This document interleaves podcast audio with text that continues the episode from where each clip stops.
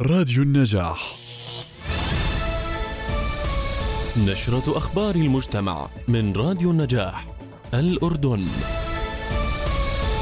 ندوة رقمية نحو مجتمع صحفي يحترف تدقيق المعلومات. محاضرة مجانية بعنوان حكاية عطاء. حفل إشهار وتوقيع كتاب هدنة لمرقصة الملكة للشاعر سلطان القيسي. نشرة أخبار المجتمع من راديو النجاح تقدمها لكم روى عبابنة أهلا بكم. تدعو الشبكة العربية لمدققي المعلومات AFCN من أريج بإدارة سجا مرتضى جميع المؤسسات الأعلامية ومؤسسات تدقيق المعلومات إلى المشاركة في الندوة المفتوحة الأولى لمشروع صح حيث سيتم التعرف على المشروع وأهدافه وكيف سيعمل خلال العامين القادمين على تعزيز أفضل ممارسات ومنهجيات وأدوات تدقيق المعلومات.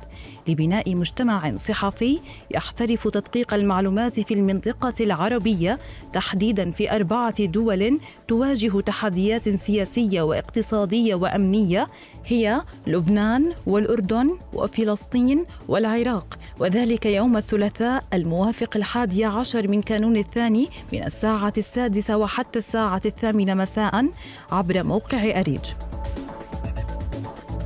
يستضيف مركز ورود الشمس لتنمية قدرات الأطفال في منصته التوعوية محاضرته الواحد والستين بعنوان حكاية عطاء حياتنا لها معنى تقدمها السيدة انتصار عادل الخطيب وذلك يوم الثلاثاء الموافق الحادي عشر من كانون الثاني في تمام الساعة السابعة مساء بتوقيت الأردن عبر تطبيق زوم.